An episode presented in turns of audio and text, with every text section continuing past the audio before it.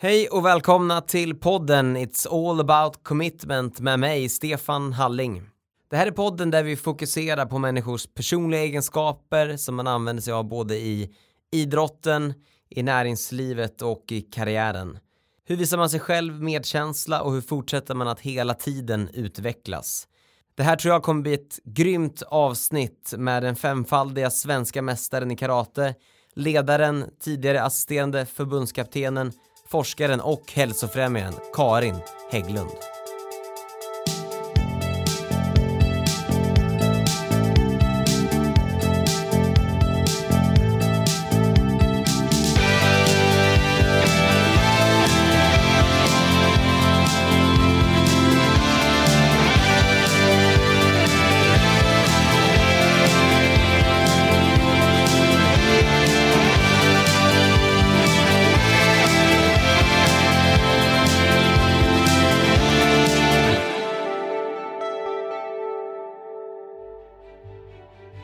Karin Hägglund är 38 år gammal. Hon är utbildad inom hälsofrämjande arbete och jobbar idag som forskningsassistent på Idrottshögskolan.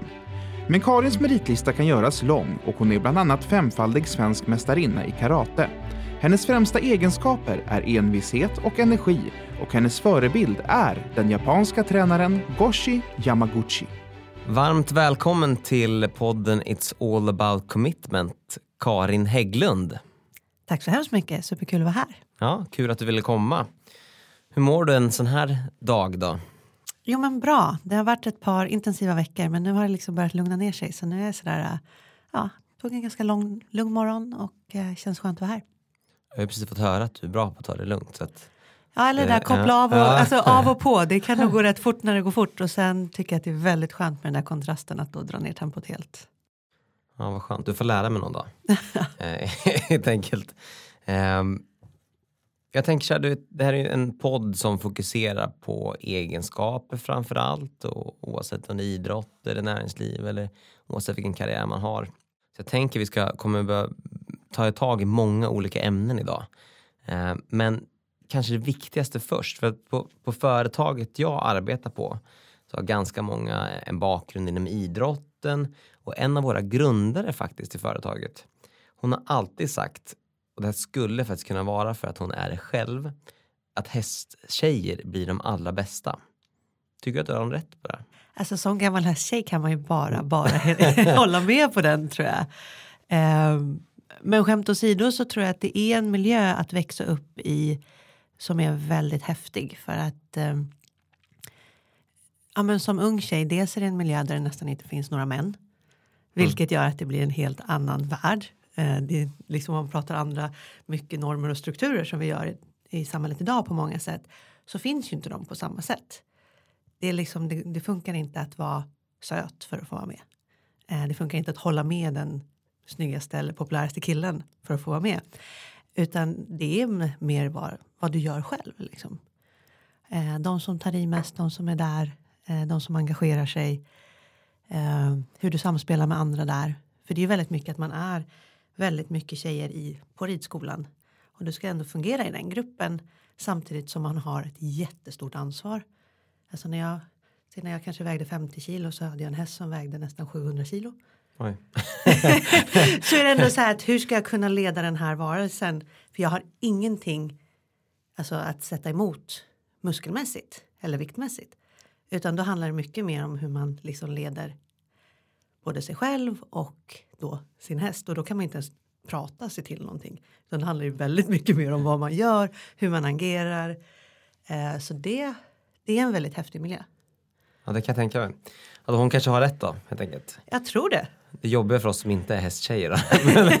Men spontant. Nej, men jag tror faktiskt att jag har kommit till och med några avhandlingar som har tittat på just att det är många som blir ledare senare. När jag tänker Karin Hägglund så tänker jag mer karate. Ja, Och sen så när, man, när jag kollar på dig, jag antog egentligen att du faktiskt som de flesta andra började vid sju års ålder och stått och nött på mattan i, i många, många år och sen så ser man att du, du var då stod jag och borstade hästar. Ja men exakt. Och då ser man att du, du började 17 eller 18, 18 år. 18 års ålder Ja. och det, det är ju väldigt sent. Hur, hur kommer det sig? Eh, då hade jag precis slutat eh, i stallet. Och eh, så var det en kompis till mig sista året på gymnasiet som frågade sådär. Jag tänkte börja träna karate. Har du lust att hänga med? Och jag bara, ja, jo, du vet, jag gör ju ingenting annat nu än att gå till skolan och det tyckte jag var tråkigt faktiskt. Att inte ha en hobby. Eh, så jag hängde på och eh, tyckte att det var bara jättehäftig miljö. En helt annan miljö för mig självklart. Eh, även om det fanns vissa delar som var likt. Liksom, att man skulle ändå ta ansvar för sin egen träning och sig själv och sådana saker. Det är ganska tydligt i karaten också. Men att eh, det var lite slumpmässigt att jag ramlade in på det. Och jag var absolut egentligen för gammal för att bli bra. Liksom.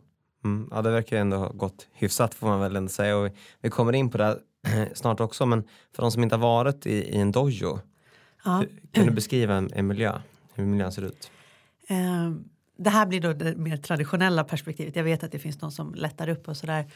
Men att eh, i en traditionell miljö så är det allt från att du bugar när du går in i dojon. Eh, man skakar inte hand, man bugar och hälsar på folk. Eh, det är en väldigt strikt hierarkisk ordning. Liksom. Man ställer upp på raka led.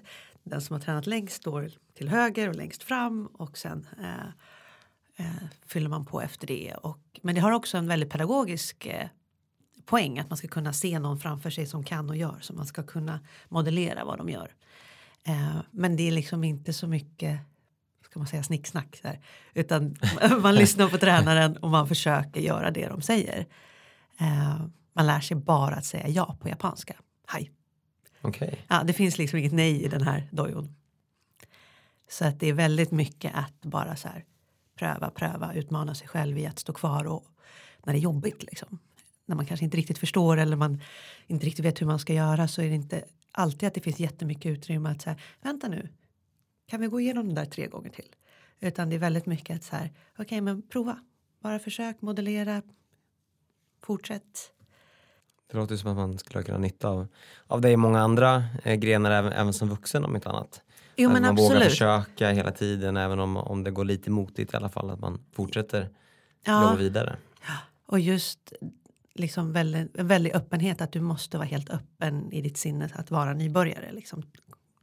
Och det finns, tycker jag, en väldigt stark poäng i det att det där att det som man kanske kan vara rädd för när man blir äldre och äldre det är att man hela tiden tror att man ska kunna saker. Att så här, hur man skalar av och säger så här, men jag kan inte det här, jag är helt nybörjare. Så kanske det också är lättare att lära sig när man sätter på sig den där att jo men lite kan jag väl sådär. Så att jag, jag tänker att den är bra att ha med sig. Någon sån här beginner mindset. Finns det några likheter i egenskaper som behövs för att, klara av hästsporten och sen också bli framgångsrik i karate? Ja, alltså det här med att ta ansvar. Det gjorde jag även i min karateträning väldigt mycket. Att så här, ta ansvar för min satsning. När jag väl efter ett par år började förstå att så här, jo men jag kanske kan bli ganska okej okay på det här. Och eh, jag tyckte det var väldigt kul och mest av det var egentligen inte att jag såg medaljerna utan det var väldigt så här hur bra kan jag bli? Och sen ta ansvar för okej okay, men vad är det då jag behöver hålla på med? Jag kan inte bara säkert träna karate, jag måste träna styrka, kondition, mental träning. Eh, mer och mer sista åren blev det också så här men kosten och sömnen, återhämtningen. Jag har inte levt på karate så att eh, ett beslut jag tog var att gå ner i tid på jobbet. För det fanns inte tid med återhämtning. Att jobba 100% och träna 10-12 pass i veckan. Det gick. Men återhämtningen fanns inte. Eh, jag var inte den roligaste sambon just då. Eh, och att då förstå att men vänta, det där spelar också roll. Alltså så här, du måste ha annan tid också apropå att så här, kunna koppla av och göra andra saker för att få energin. Eh, så då gick jag ner lite i tid för att hinna med återhämtningen. Så det där att liksom själv sätta mig och titta på vad är de olika delarna och lära mig lite grann. Sen har jag haft jättemycket hjälp. Jag har haft fystränare och eh, mentaltränare och så. Men att det har alltid varit mitt beslut att säga, men vänta nu behöver jag in det här. Eh, för att få ihop min helhet för att ta ansvar för min satsning. Och jag tycker jag märker en tydlig röd tråd ändå med de som ändå når toppnivån. Oavsett vad det handlar om, om det är idrott eller om det är i näringslivet eller musik eller vad det kan vara. Ja. Så känns det som att som du i det här fallet då ändå hittar vägar för att okej, okay, ska jag bli bäst? Det är mitt, mitt mål. Okej, okay, hur bryter jag ner där då till, till delmål kanske, men också vad behöver jag träna för att bli bäst? Så man verkligen vägen framåt analyseras på något sätt. Absolut, absolut. Jag hade alltid liksom utvärdering efter, ja men det blir alltid en kortare utvärdering efter liksom tävlingar och eh, träningspass. Men eh, väldigt tydligt efter varje säsong. Att sätta mig ner, vad har funkat, vad har inte funkat, vad behöver jag ändra på? Eh, och var väldigt delaktig i den processen själv. Och drev det och sen ställde frågor till folk som jag jobbade med. Kanske lite också för att jag var äldre. Mm. jo men ibland kände jag mig lite stressad. Liksom, jag har inte alltid i världen här så här får vi optimera det vi håller på med. Okej, okay. och kanske klokare också då? Ja, jag tror en sak som var viktig för mig som jag tog med mig sen också var ju att jag hade ju alltid vänner också utanför idrotten. Eh, och en familj som inte är så idrottsintresserad. Eh, så att jag fick ju också alltid ha ett rum där jag bara var Karin. Liksom. Inte mina prestationer, inte det utan så här, ja, helt bortkopplad från det. Och det var viktigt för mig också att ha liksom eh, ja, men ytor. Det gör det ju lättare att slappna av när man har ytor där man pratar om andra saker och inte alltid är i det. Alltså klart, man behöver, man behöver koppla av också. Ja. Det känns som att det här kommer inte liksom automatiskt för alla att ändå liksom analysera att man, vad man behöver göra för att bli bäst. Men vad, vad var det som faktiskt drev dig då till att se om du kan bli bäst eller i alla fall nå din maximala prestation, din maximala topp? Um, ja, men det är kul att du frågar för jag har funderat lite på det där själv. För att inom ridningen, dels mycket för att jag var en så traditionell ridskoleunge som ja, man får rida en gång i veckan och man borstar mest hästarna. Liksom, för att det är väldigt dyrt och man har inte liksom råd att ha en egen häst. Men det handlade också många gånger att eh, jag tyckte att det var rätt läskigt att tävla när jag var liten. Att jag var väldigt rädd för att förlora. Jag var inte den där typiska som kastade mig ut i allting och ville jämföra mig. Eh, och nu när jag ser tillbaka på det tror jag att då hade inte jag några verktyg för att hantera eh, den där rädslan att misslyckas. Eh, och det som jag hittade i karaten var att dels människor runt omkring mig som eh, pratade om att det kunde både gå bra och dåligt. Att det fanns där. Men också att som var väldigt stöttande. Eh, jag hade med mig en träningskompis på min första tävling som liksom, ja men du vet, sån här sprudlande person som ger jättemycket energi och så, så bara ja men det ser bra ut och det här är så här och jag fick med mig så mycket positivt. Um, och i och med då att jag också började jobba ganska tidigt mentalt, min första tränare pratade väldigt mycket om de delarna. Så fattade jag att det här kanske inte var medfött. Det var liksom kanske inte att jag inte kan tävla utan jag kan lära mig det precis som jag lär mig karate just nu. Um, så det var en väldigt så här häftig övergång för mig. Att säga, men vänta nu. Jag kan ju våga utmana mig själv om jag också vågar misslyckas. Och liksom, sen har jag ältat massa motgångar i mina dagar.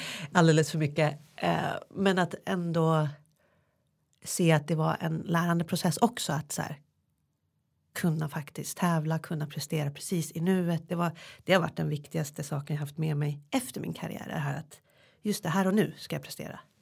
Mm. Det är det som är viktigt. Då, det är då jag ska släppa allting annat. Fokus. En sak i taget. Inte springa iväg varken det som har varit eller framåt. Liksom. Det där tycker jag är så fascinerande för att jag som just nu i alla fall liksom tar min utgångspunkt kanske i, i näringslivet. Där kan jag tycka att där har man väldigt mycket att lära av idrotten. Just det här att jo, vi tränar kanske inte lika mycket på mentala verktyg för att kunna prestera. Många jobb är ju specifika situationer ja. där man faktiskt ska topprestera här och nu en ja. timma framåt. Ja. Men vi tränar aldrig på, på att faktiskt göra det på det sättet som man gör i idrotten. Självklart där tränar du på de fysiska förutsättningarna och det kanske alla kan göra men då är det extra intressant att höra vad, vad för mentala verktyg fick du med dig därifrån då för att kunna just träna på det här? Dels så jobbade jag ganska mycket med att visualisera. Att kunna se men inte så mycket det här att liksom se mig själv vinna utan framförallt att se mig själv kunna utföra olika tekniker att vara där och då. Eh, sen jobbade som var sen en sak som var väldigt, väldigt bra för mig var att jag liksom inför tävlingen när jag var väldigt nervös så här strukturerade upp det och också det där i att bryta ner det på delmål. Vad är det jag ska göra den här dagen egentligen? Eh, ja, men jag ska ju gå upp och jag ska, göra, jag ska förbereda mig, jag ska göra det här, här börjar uppvärmningen, här behöver jag fokus på det. Eh, och en sak som var jätteviktig för mig, det kom men egentligen i slutet av min karriär, men att eh, en så jätte, jättetydlig bild när jag var eh, inför Nordiska mästerskapen 2012.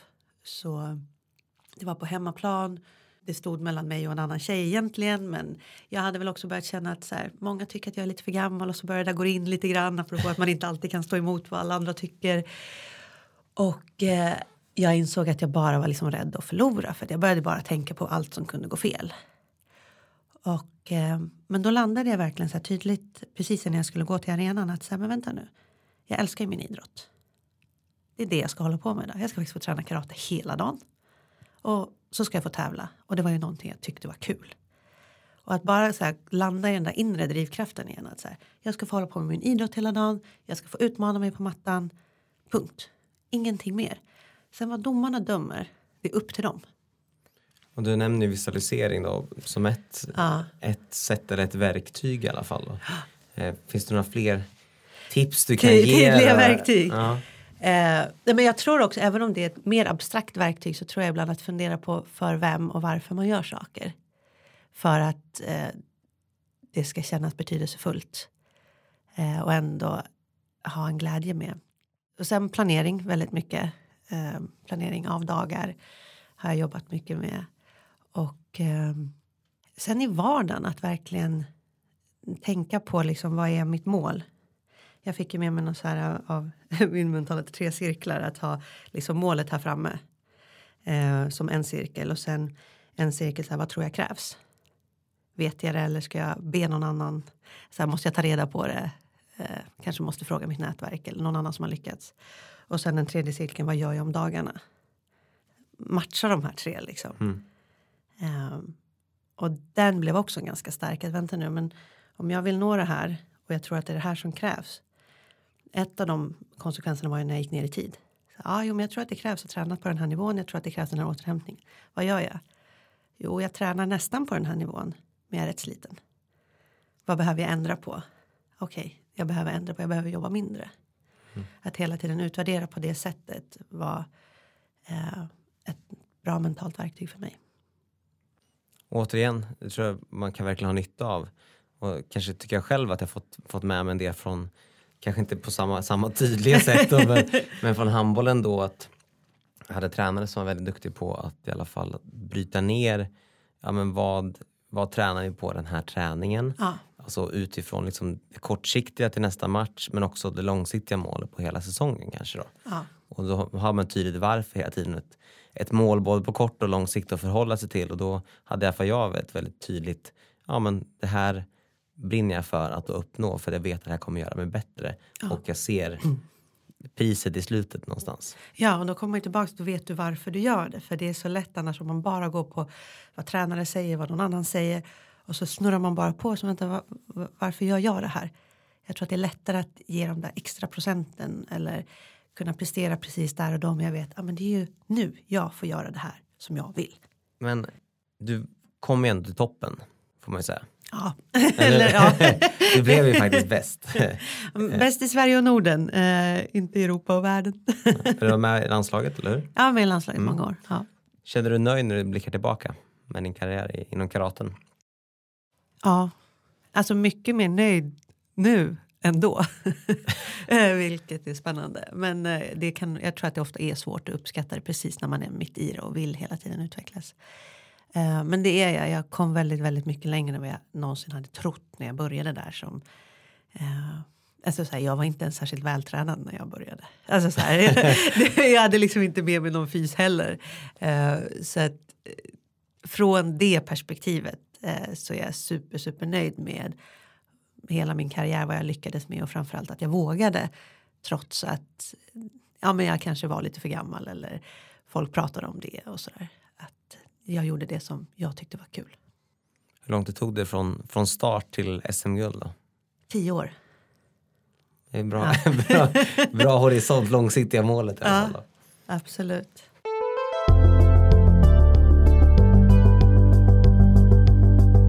Tycker att det har varit någon skillnad på just egenskaper du har använt i idrotten kontra både liksom företagande och föreläsningar och allt vad du gör idag? Så? Nej, jag tycker faktiskt det mesta går att överföra. Som idrottare är man ju van att man hela tiden utvecklas. Jag vet ju även om jag åkte på en tävling eller till och med mästerskap så vet jag att jag inte är klar. Det här ska en, jag kommer hem och kommer komma hem och träna på ungefär samma saker ändå. Och att alltid se det som ett ständigt work in progress. Eh, och jag, det har jag haft nytta av när man gör andra saker. Både på jobbet då men också nu. Att eh, Kanske inte för att liksom måla upp saker för stort ibland. Att ja, men det är inte end of the world efter det här. Vi ska fortsätta framåt. Jag kommer fortsätta med min utveckling eller så vidare. Vad, vad tycker du att, eh, vad kommer in, för elitidrott och, och hälsa kanske inte alltid samma sak. Nej. Vad, vad kommer intresset för, för, för hälsosidan ifrån? Det kom nog egentligen i samma, för mig så kom det ur samma samma del liksom. Sen att det blev elitidrott, det hade inte jag tänkt när jag började med karaten utan det handlade också egentligen mer om träning för mig. Eh, och idag så har det mer gift ihop sig för precis som du säger ibland är det motsägelsefullt det här är elitidrott och hälsa. Och min passion har mer blivit, eller är idag, så här, hur kan vi utveckla metoder så att vi faktiskt kan prestera på en väldigt hög nivå och samtidigt må bra. För jag tycker att det där är en spännande kombination för att jag är fortfarande så att jag tycker det är jätteroligt att utmana mig själv och utvecklas och jag vet att det är väldigt många människor som är så. Däremot så vet jag också att man har en kanske en sårbarhet för att det blir för mycket eller att man inte mår bra i det. Så kan man hitta en brygga däremellan. Hur gör man det då? kan vi prata om self-compassion? ja. Ja men för dig är ett av dina, eh, när man läser på om det, ett av dina begrepp du du, du trycker hårt på just self-compassion. Vad, ja. vad innebär det då? Uh, self-compassion är väldigt, väldigt kort så är egentligen att behandla sig själv som sin bästa vän. Sen om man bryter ner det till tre delar så kan man säga att den första delen är just att uppmärksamma eh, hur man pratar med sig själv. Eh, jag vet inte om du kan känna igen det att man kanske har en lite så inre kritisk röst ibland som. Men det händer väl i alla fall. som kan vara lite hård. Eh, och eh, det, det, här är jättespännande för jag har ju föreläst om det här i flera år nu och att så här, man tar det där exemplet och många nickar ju liksom. Och sen så ställer man sig frågan så här, men skulle du säga samma saker till någon du verkligen bryr dig om i ditt liv? Som du vill att det ska gå bra för? Då blir det så nej, nej, nej. Herregud, nej. Så bara, skulle du ha kvar några kompisar? Bara, nej, det skulle jag inte ha. Eh, att faktiskt uppmärksamma att vi ofta är väldigt, väldigt mycket hårdare mot oss själva. Eh, och att det är ju inte det kanske mest verksamma alla gånger. Eh, så det är första delen i self-compassion. Andra delen är vad man brukar kalla medmänsklighet. Och det är just det, det som jag tror är kanske svårare och svårare i dagens samhälle när vi jämför oss så mycket. Och det är en yta vi ser ofta på sociala medier. Att just det här att förstå att det är ingen som är perfekt. Det går upp och ner för alla. Ehm, och när vi kan dela de lite mer mänskliga historierna med varandra så skapar det oftast en mer känsla av sammanhang. Och det är det man har sett är kopplat till högre motivation. För det har man kunnat se de som lever med self-compassion har en högre motivation. När jag förstår att jag inte är den enda som misslyckas. Och jag tror egentligen att man har med sig lite av det här från idrotten för att ja men du vet på ett vanligt träningspass. Det går ju inte bra hela tiden. Nej, verkligen inte. Vi ser andra misslyckas också och att hittar man då en miljö kanske inte har en tränare då som bara kritiserar utan man får de där som uppmärksammar att så, ja, men, ja, vi lär oss av våra misstag, vi går vidare. Så skapar en ökad motivation när jag förstår att jag inte är den enda. För skillnaden är ju om man liksom isolerar sig och tänker att alla lever ju det här fantastiska livet. Det ser jag varje dag på Instagram. Det är ju amazing. Eh, och eh, att man tror att det är i verkligheten när man tappar bort de här riktiga mellanmänskliga. Och sen basen brukar man säga är mindfulness. Och det är att faktiskt kunna stanna upp och vara med det som även är svårt. Att inte då vilja springa därifrån eller hitta en snabb lösning eller sådär. Utan att acceptera att okej, okay, om, man om man faktiskt tillåter ett helt känsloregister så är det ju faktiskt både sorg och glädje, ångest och lycka och allt däremellan. Det är ju inte, vi kan inte bara välja att ha några positiva känslor. För då går vi lite miste om det fullt ut att kunna känna det också. Det här att stänga av är väl det som man ser som det senaste inom idrottspsykologin. Att tidigare har man kanske sagt liksom lite att ja, men vi, vi tar bort de här jobbiga sakerna. Nu är det ju väldigt mycket så här, men vi ska acceptera det. Då kan vi lättare jobba och förhålla sig med oss till det. Okej, okay. ja, superintressant verkligen. Och du jobbar mycket med idrottspsykologi. Och jag menar, mindfulness har jag aldrig provat men man, man, kan ju jobba med det som ett verktyg också ja. såklart. Det finns massa eh, enkla appar idag. men hur, hur, om du ger några konkreta tips då, self-compassion, hur, hur kan man träna det här att bli bättre på, på de här tre delarna du ändå näm nämner? Då skulle jag börja med mindfulness. Eh, det här att kunna stanna upp. Vilket är väldigt utmanande när man är väldigt stressad eller tempot är högt. Att liksom faktiskt se, ta tre minuter och bara så här, men vad är det jag upplever just nu? Och jag brukar säga att hellre börja med någonting som man faktiskt tycker om. Ibland så läser man att man kan göra det när man diskar och sådär. Men ibland kanske det är lättare att ta något som man faktiskt vill njuta av. En god glass nu när våren kommer eller eh, solen eller en bra kaffe. Att faktiskt här, bara lära sig att stanna upp. Och sen börja jobba med just de här hur pratar jag med mig själv egentligen?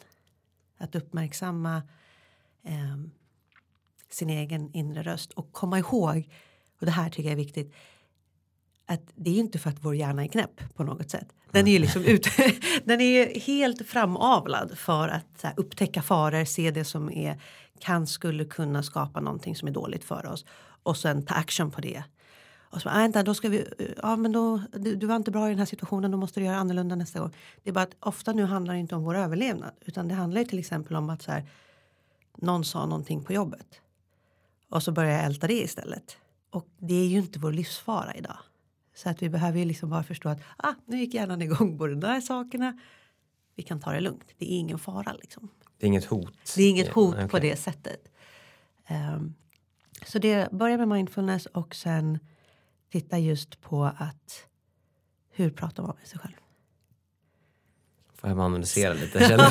Särskilt när man kanske går igenom tuffa saker. När det är liksom, ja, men om man gör något som inte riktigt blev som man har tänkt. Och det är jättebra att man utvärderar en situation men när övergår det till bara ren självkritik eller att man inte tycker att man helt plötsligt inte blir värd lika mycket. Det här är otroligt intressant och det kan många säkert känna igen sig i. Ser att det är någon skillnad? Finns det, alltså, finns det grupper som har högre self-compassion än andra eller kan man jämföra det på något sätt? Um, det finns en review på män och kvinnor där man sett att män är bättre på det här. Kvinnor är oftast mer självkritiska. Sen är det ju också det som ligger väldigt nära till hands till idrotten, perfektionism. Att många som har de dragen som man ofta också behöver inom idrotten. Att ha den där liksom uthålligheten, att hela tiden vilja utvecklas, att analysera sig själv och nästan piska sig själv framåt. De har ju också mindre self-compassion. Så att därför kanske det kan vara än viktigare liksom idrotten eller många högpresterande miljöer. Att titta på, för det handlar inte om att sänka standards eller inte ha höga mål utan framförallt hur man hanterar sig själv och möter sig själv när det inte går som man hade tänkt. För som vi var inne på, misstag kommer vi göra. Det kommer inte alltid gå som vi vill. Och hur hanterar vi det? Att faktiskt också öppna upp för det och inte bara tänka jo men allting kommer gå bra. Utan att se, ja nej, men när det går dåligt då, hur hanterar vi det? Att ha en beredskap för, för att inte gå igång och kanske racka ner på sig själv för mycket. Så egentligen, alltså delvis kanske ett sätt då att faktiskt att inse att just att det inte är ett stort hot ja. och vara okej okay med det. Ja. Och sen hur man går vidare från det. Då. Ja, absolut. För sen är det ju också, det ligger ju i sakens natur, när vi är passionerade kring saker då betyder det mycket för oss. Blir det då inte som man vill så ah! Liksom. men att förstå då också att okej, okay, men vad betyder det på lång sikt och vad skulle vara bra för mig på lång sikt att göra ändå. Liksom. Otroligt spännande. Ja.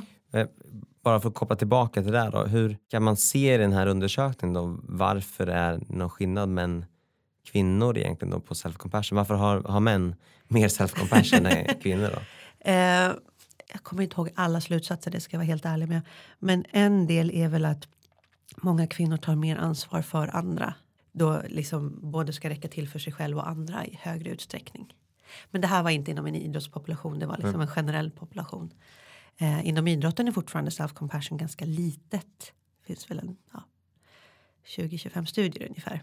Eh, så att det är på gång. Eh, för att man liksom, förhoppningsvis kanske kan hitta den där bryggan mellan att här, prestera på hög nivå och kanske må lite bättre. Det vore jätteskönt. Ja, visst vore det. ja, det, det tror jag alla, alla mår bra av att lära sig om ett annat. Ja. Ehm, och någonting du också pratar mycket om ja, i föreläsning och kanske, jag vet inte om det är kopplat till det här då. Det är egentligen hur, hur lär man sig att möta sina känslor? Aha. Är det ju också en del av det. Hur, hur, hur lär man sig där då? Eh, tillbaks till att både mindfulness men också att eh, ja, men inse sin egen sårbarhet och börja förstå just det här att öppna upp för att om hela känsloregistret finns med så kommer jag bli mycket mer levande. Att det inte är så farligt att bli ledsen för att kontrasten till att vara glad sen kan ju vara oändligt mycket större än när man alltid går i något mellanmjölksland. Eh, men det handlar också om mod många gånger. Därför brukar jag säga att, så här, våga möta dem. Eh, för att det är ju lite läskigt att ta in hur jag faktiskt mår i vissa situationer eller vad jag upplever. Eh, så att framförallt handlar det väldigt mycket om acceptans av att okej, okay, det är okej okay att må lite sämre en dag. Det är okej okay att vara jätteglad också. Eh, för att det finns ju till och med lägen jag, som jag vet jag själv har varit i men också att det, andra känner igen sig i att man kan ju nästan vara rädd för att vara sådär riktigt lycklig och glad för då kommer allting försvinna liksom. Fått njuta för mycket. Ja, eh, det finns ju också de som känner så väldigt starkt att så här, nej men oj, oj nu får vi inte dra iväg och bli för glada för att då utan att faktiskt kunna stanna upp i det som är precis som det är. Eh, och där handlar det också att inte hela tiden värdera sina känslor. Du vet att säga, ja, men jag är en jättebra person om jag är glad och lycklig och då tycker alla om mig.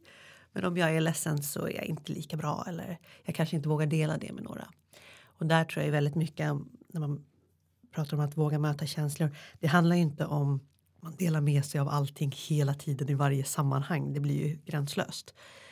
Men att vilka är det i mitt liv som jag verkligen här, kan göra det med? Jag har tillit att de inte börjar döma eller värdera det jag säger eller tycker utan att jag är helt okej okay i deras ögon ändå.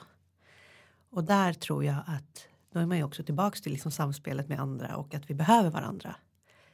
Eh, på ett väldigt mänskligt grundläggande behov är ju att gemenskap. Liksom. Mm, verkligen.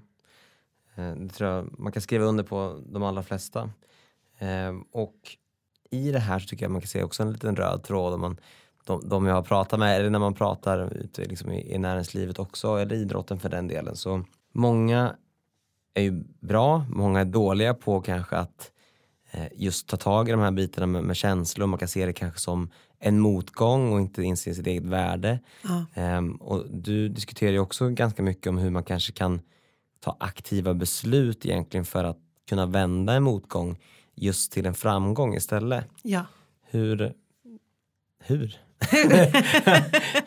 Nej men och där tror jag också att apropå liksom ibland att eh, ibland kanske vi sätter skygglappar på och springer på istället. Att ibland kanske handlar om att backa hem och acceptera hur ser den här situationen ut egentligen? Vad upplever jag? Vad känner jag? Att våga möta det fullt ut och att inse även om det kan kännas rätt läskigt liksom att här, ja, men, om vi säger nu att de här sakerna här borta i det här hörnet är väldigt viktiga för mig.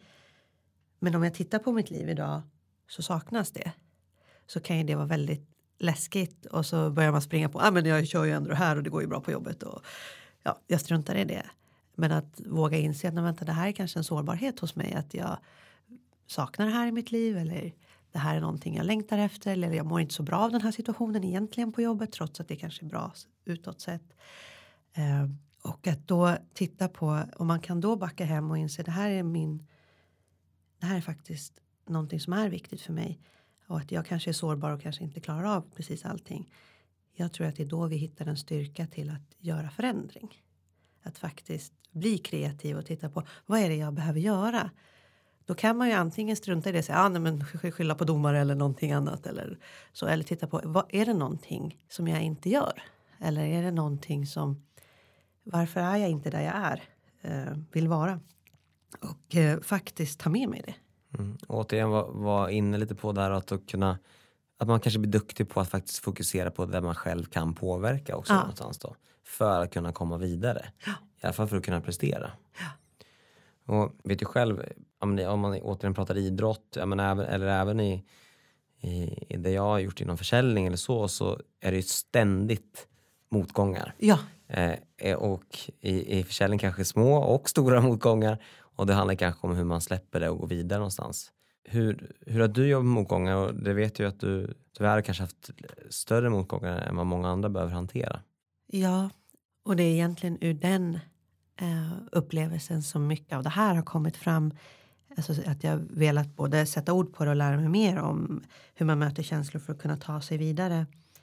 Eh, för jag tror, det du refererar till nu är att eh, jag var tidigare gift och eh, men min dåvarande man blev sjuk i cancer och han gick bort för drygt fem år sedan.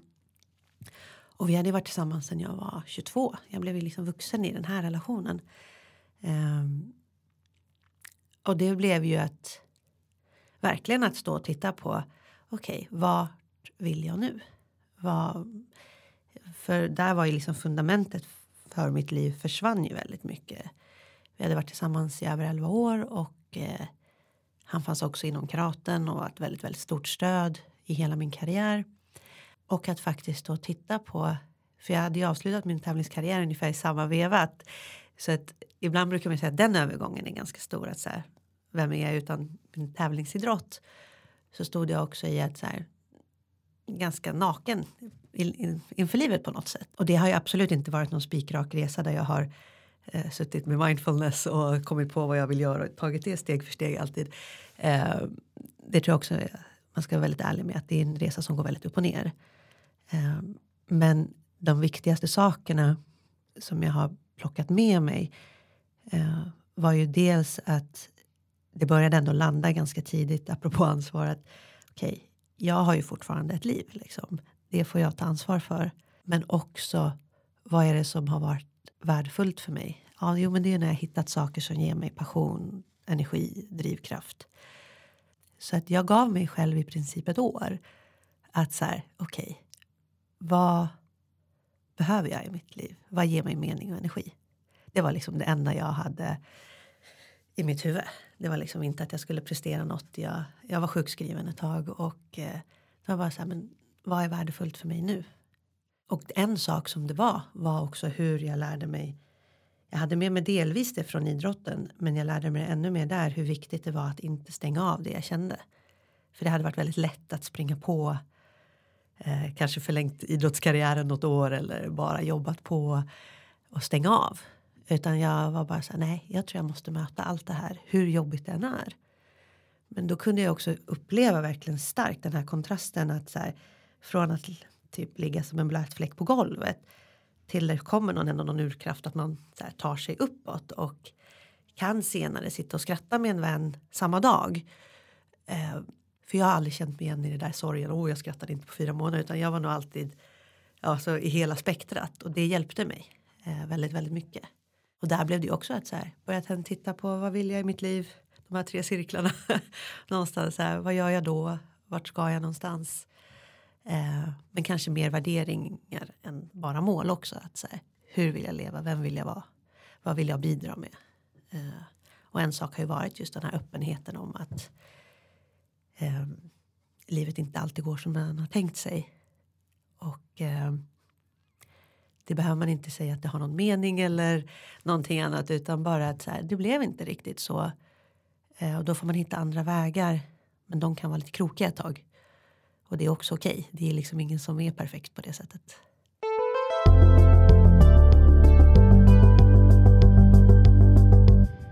Du har jobbat som ledare och du mm. föreläser mycket också. Mm. Och pratar mycket om, om hållbart ledarskap. Och vad, om man tar det lite så här avslutningsvis. Vad tycker du är de viktigaste egenskaperna framåt? Om du kollar på hur dina adepter varit. Eller vilka egenskaper har man för att bli framgångsrik oavsett vad man håller på med? Vad tror du blir viktigast i framtiden? Framåt så tror jag faktiskt att i och med att vi kommer ständigt ha den utvecklingen som vi har nu. Där vi har mer att förhålla oss till. Vi har mer information som kommer.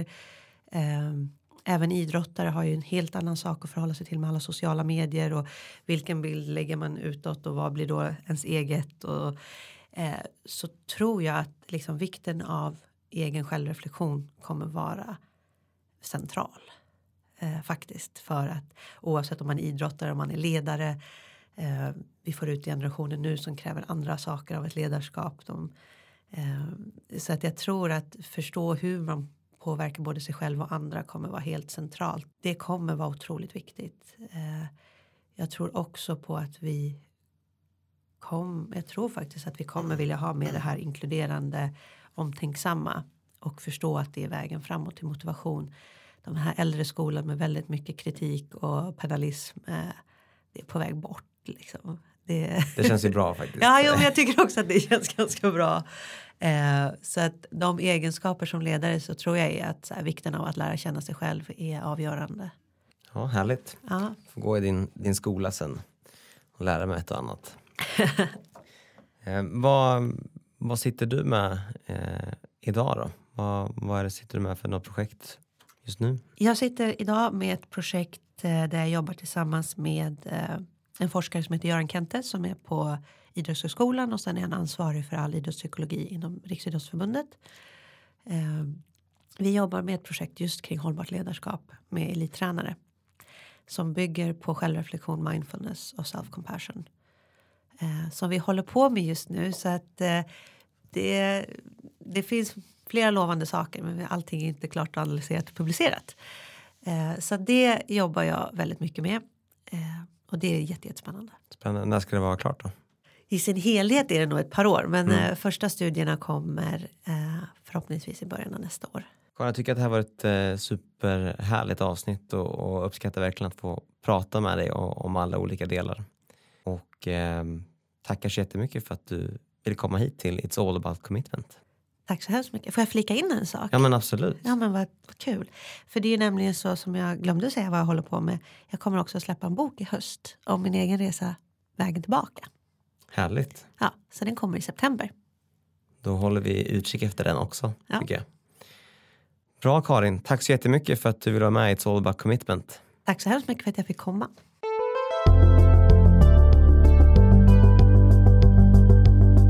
Tack så jättemycket för att ni fortsätter lyssna på It's All About Commitment. Eh, vill ni ge mig feedback eller höra av er på något sätt så finns jag på LinkedIn under Stefan Halling. Det är bara att söka. Gillar ni det ni hör så gå jättegärna in på iTunes och skriv recension eller ratea oss. Vill också passa på att tacka våran producent Story of You som gör ett suveränt jobb med att klippa den här podden. Så tack så jättemycket för den här veckan så hörs vi snart igen.